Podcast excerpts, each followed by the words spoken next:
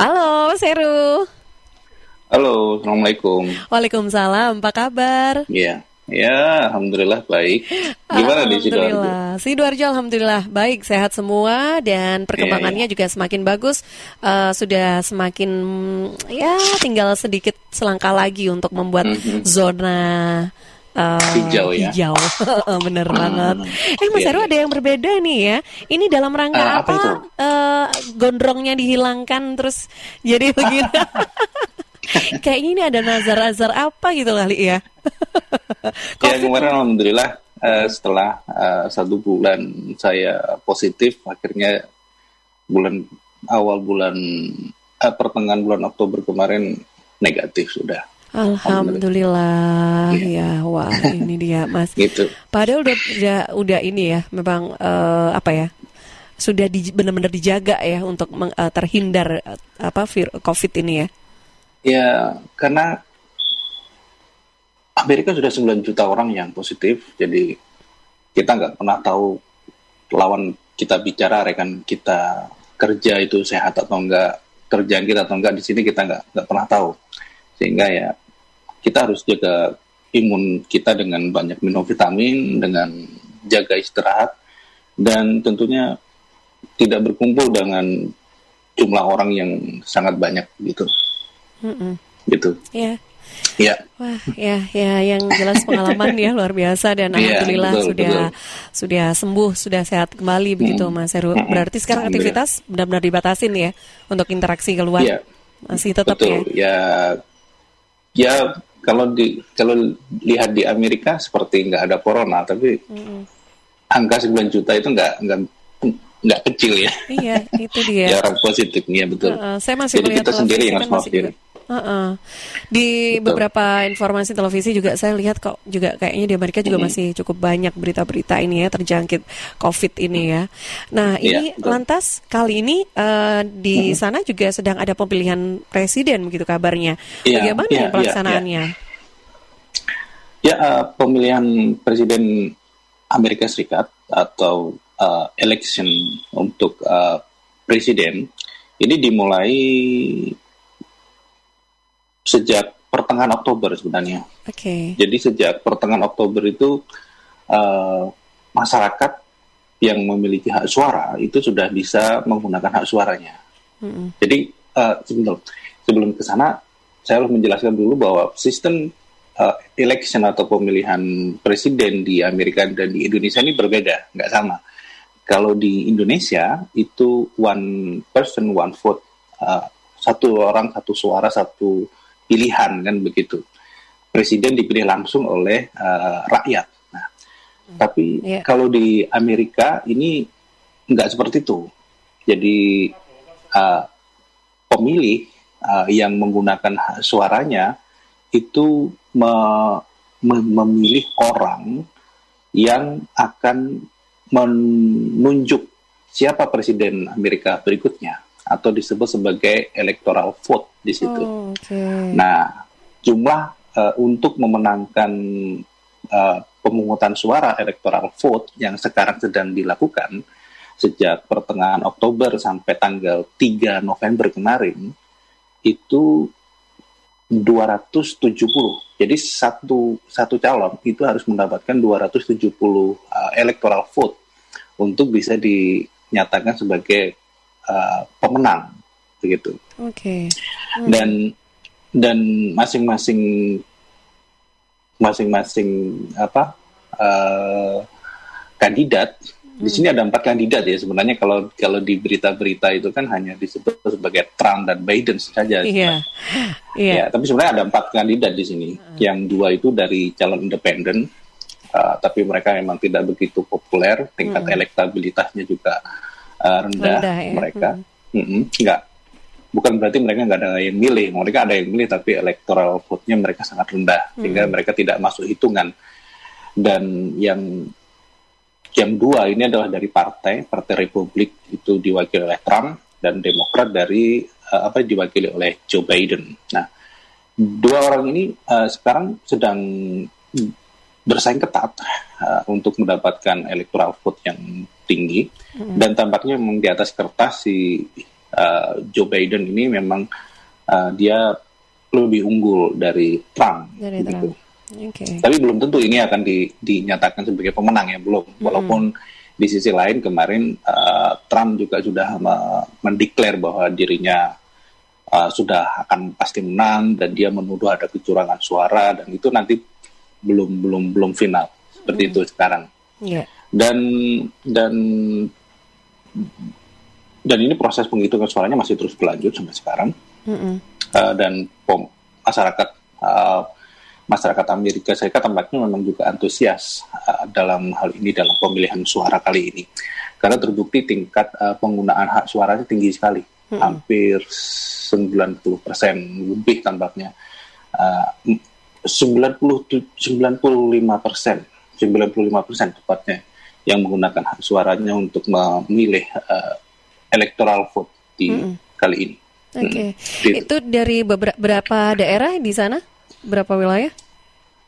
ada tiga ada 50 uh, ada 30 negara bagian 30. satu negara bagian itu ya itu yang satu, satu negara bagian itu ada banyak kota gitu gitu Oke, baik. Ada yang eh, ini kan kabarnya juga eh, katanya sih ya, ada dengar kabar ini kalau petahananya nggak menang, itu akan terjadi sesuatu situasi yang tidak kondusif gitu.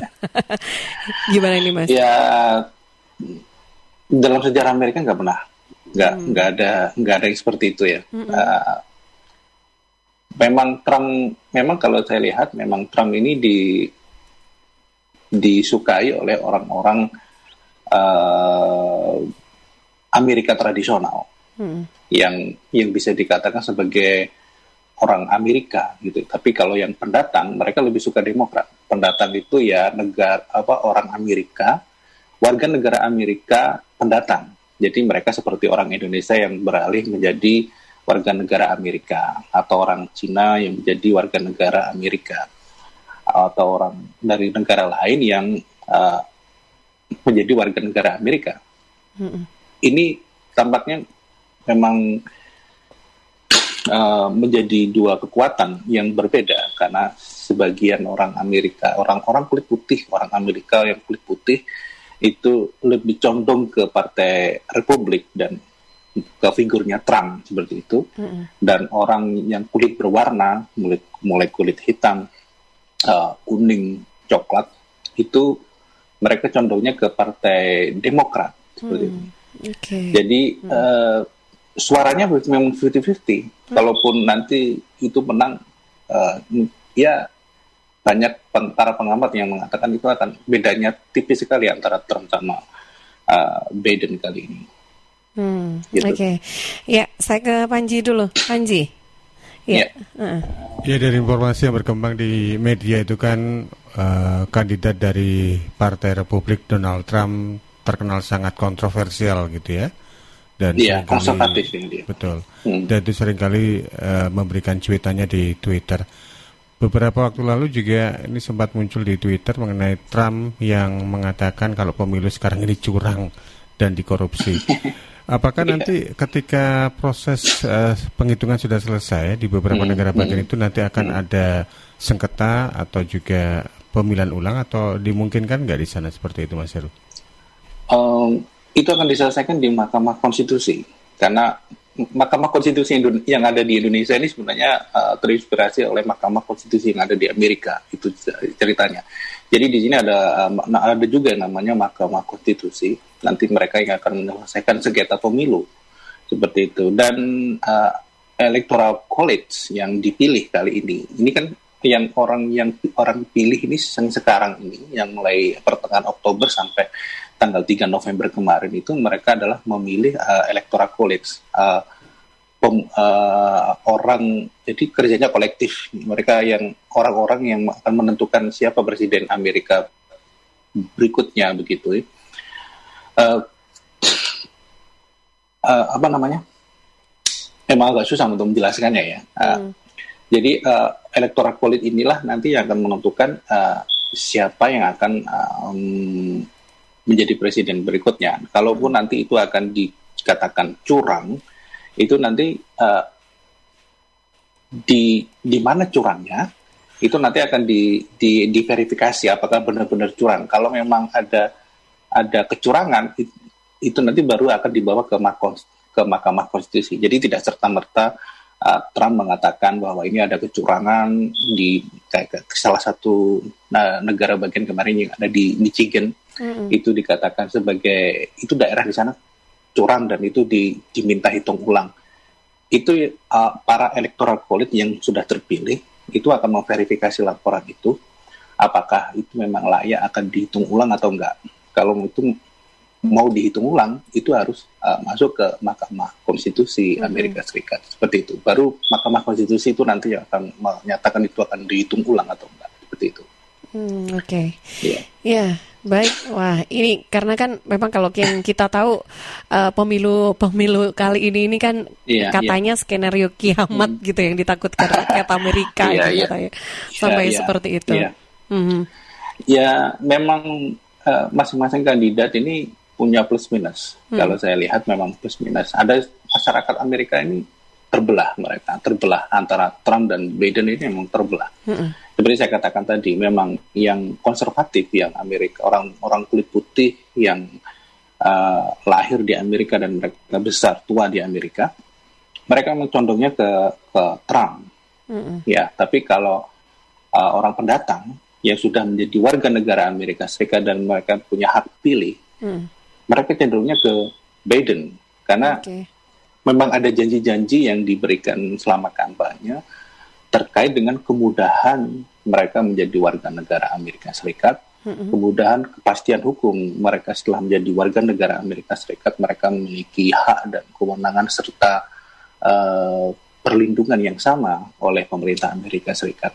Seperti itu. Jadi ada janji-janji yang mm-hmm. yang yang yang itu menarik bagi uh, warga negara Amerika pendatang, okay. termasuk seperti yang Trump lakukan selama dia menjabat lima tahun pertama kemarin, mm -mm. dia menekan orang-orang Spanish seperti uh, orang-orang asal imigran asal Meksiko mm -mm. uh, itu ditekankan dia sangat makanya ada ada ada sentimen rasis di sana dan orang-orang orang-orang Spanish ini mereka otomatis mereka nggak akan milih Trump lagi kan, mm-hmm. mereka akan ke Partai Demokrat untuk minta perlindungan, yeah. seperti itu. Dan wala- walaupun sebenarnya Demokrat sendiri ya nggak jauh beda juga, nanti kalau sudah terpilih mereka juga akan melakukan banyak operasi, mereka akan uh, mendeportasi orang-orang yang nggak punya surat seperti itu, itu juga akan dilakukan. Mm-hmm. Tapi apa yang dilakukan Trump dalam lima tahun terakhir kemarin terkait dengan para pendatang ini memang uh, tampaknya agak sedikit menguntungkan Demokrat untuk mendapatkan suara di hmm. pilpres kali ini seperti itu. Hmm. Nah, uh, Mas Heru, untuk penyelenggara sendiri, ini kan kabarnya meskipun ya. nantinya uh, Trump ini menang atau kalah, katanya tetap hmm. dia akan melakukan mempermasalahkan tentang sistem pemilihan uh, kali ini tentang hmm. uh, apa demokrasi ya. Ya. di Amerika. Ya. Ini lantas para penyelenggara uh, pemilihan ini sendiri hmm. seperti apa responnya terhadap hal ini?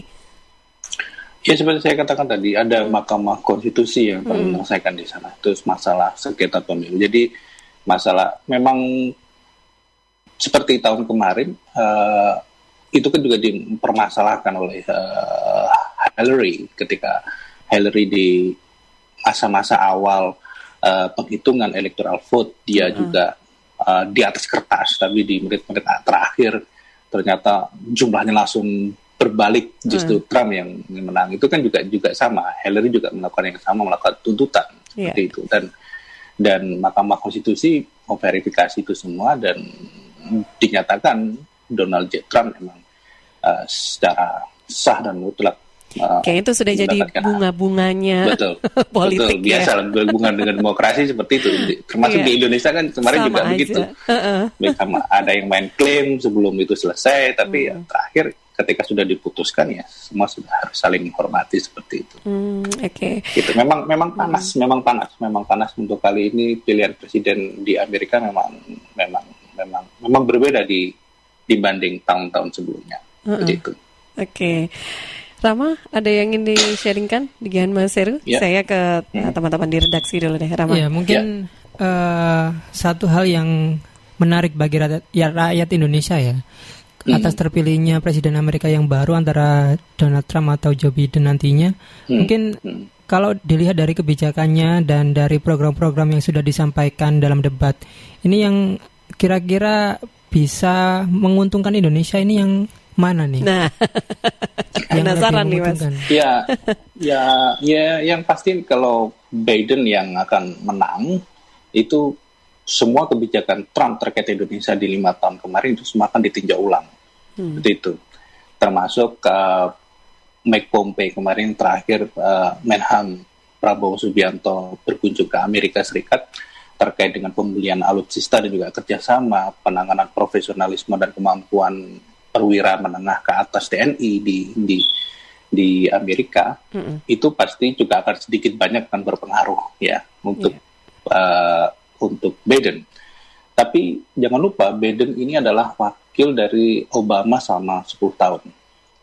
Jadi Obama punya hubungan baik dengan Indonesia saat 10 tahun dia menjabat Mm-mm. di waktu itu Indonesia dipimpin Presiden Susilo Bambang Yudhoyono hubungan antara Indonesia dan Amerika eh, sus, eh, Pak SBY dengan eh, Obama, Obama. sangat baik pada saat itu Iya. ya dan kerjasama juga cukup baik dan Joe Biden termasuk ada di dalamnya Hmm. dan saya kira pasti ada perubahan. Kalau ada ada perubahan pasti ada perubahan, tapi sedikit banyak ada paling tidak si Biden ini sudah tahu karak- karakter apa sih sebenarnya yang dibutuhkan Indonesia kepada Amerika dan apa kebutuhan Amerika di Indonesia seperti itu. Hmm. Seperti itu. Jadi kalau di apa saja yang menguntungkan, ya salah satunya di bidang pertahanan keamanan itu, dan juga yang kedua adalah masalah pertambangan. Kita kita seperti kita ketahui uh, perusahaan Amerika Serikat yang ada di Indonesia cukup banyak. Ada yang di sektor uh, minyak bumi, ada di faktor gas, termasuk pertambangan yang ada di Timika, Papua itu termasuk Mm-mm. itu Mm-mm. itu pasti ada ada pengaruh-pengaruh ya. Ada ada sedikit banyak pasti akan punya pengaruh di sana. Mm-mm. kepentingan Amerika pasti ha- harus terakomodasi. Untuk ekonomi seperti itu belum lagi uh, pengaruh uh, Amerika di Asia. Kita seperti kita ketahui geopolitik dunia ini bergeser di mana China sedang me- me- memperluas pengaruhnya di di dunia ya termasuk sengketa laut Cina Laut Selatan Mm-mm. dan tentunya ini Amerika juga akan mendekati Indonesia untuk uh, bagaimana memperebutkan pengaruh di kawasan Asia Tenggara ini termasuk strategis di Indonesia karena Indonesia memiliki Selat Malaka yang sangat strategis di sana Mm-mm. Iya. gitu. Oke, sudah ada sedikit wacana ya, Iya. Rama. Oke deh, baik. Iya. Iya, Mas Hmm. Heru, eh, berarti ini Iya. masih berlangsung. Jadi agenda terdekat apa nih terkait eh, pemilihan presiden sendiri di Amerika? Ya, per- proses penghitungannya masih sekitar seminggu ke depan. Oh, seminggu Semua- lagi ya. Masih, masih proses seminggu lagi. Mm-mm. itu baru karena banyak banyak banyak kota dan juga masih ada beberapa negara bagian yang belum dihitung termasuk untuk menyelesaikan tadi tuduhan-tuduhan eh, dari kandidat yang mengatakan ini kecurangan lah ini ada eh, apa surat apa orang yang sudah meninggal dimasukkan untuk memilih seperti itu Mm-mm. di isunya. Jadi ada proses verifikasi masalah di sana untuk diselesaikan di tingkat uh, electoral college atau di tingkat uh, mahkamah konstitusi seperti itu. Mhm. Oke, Hmm. baik ya. Jadi nanti kita ketemu lagi seminggu lagi untuk Iya. mendapatkan hasilnya seperti Siap, apa siap. gitu ya. Siap, siap, Oke deh, baik Mas Heru terima kasih waktunya Ya. untuk berbijak juga. Hmm. Salam sehat selalu. Salam juga Baik. untuk eh, tetap semangat di sana, Mas Heru. Baik, untuk kawan-kawan di Suara Sidoarjo juga tetap sehat dan juga kesehatan. Amin. Oke, terima kasih. Ya, Sampai baik. jumpa. Terima kasih. Ya, assalamualaikum. Waalaikumsalam warahmatullahi wabarakatuh.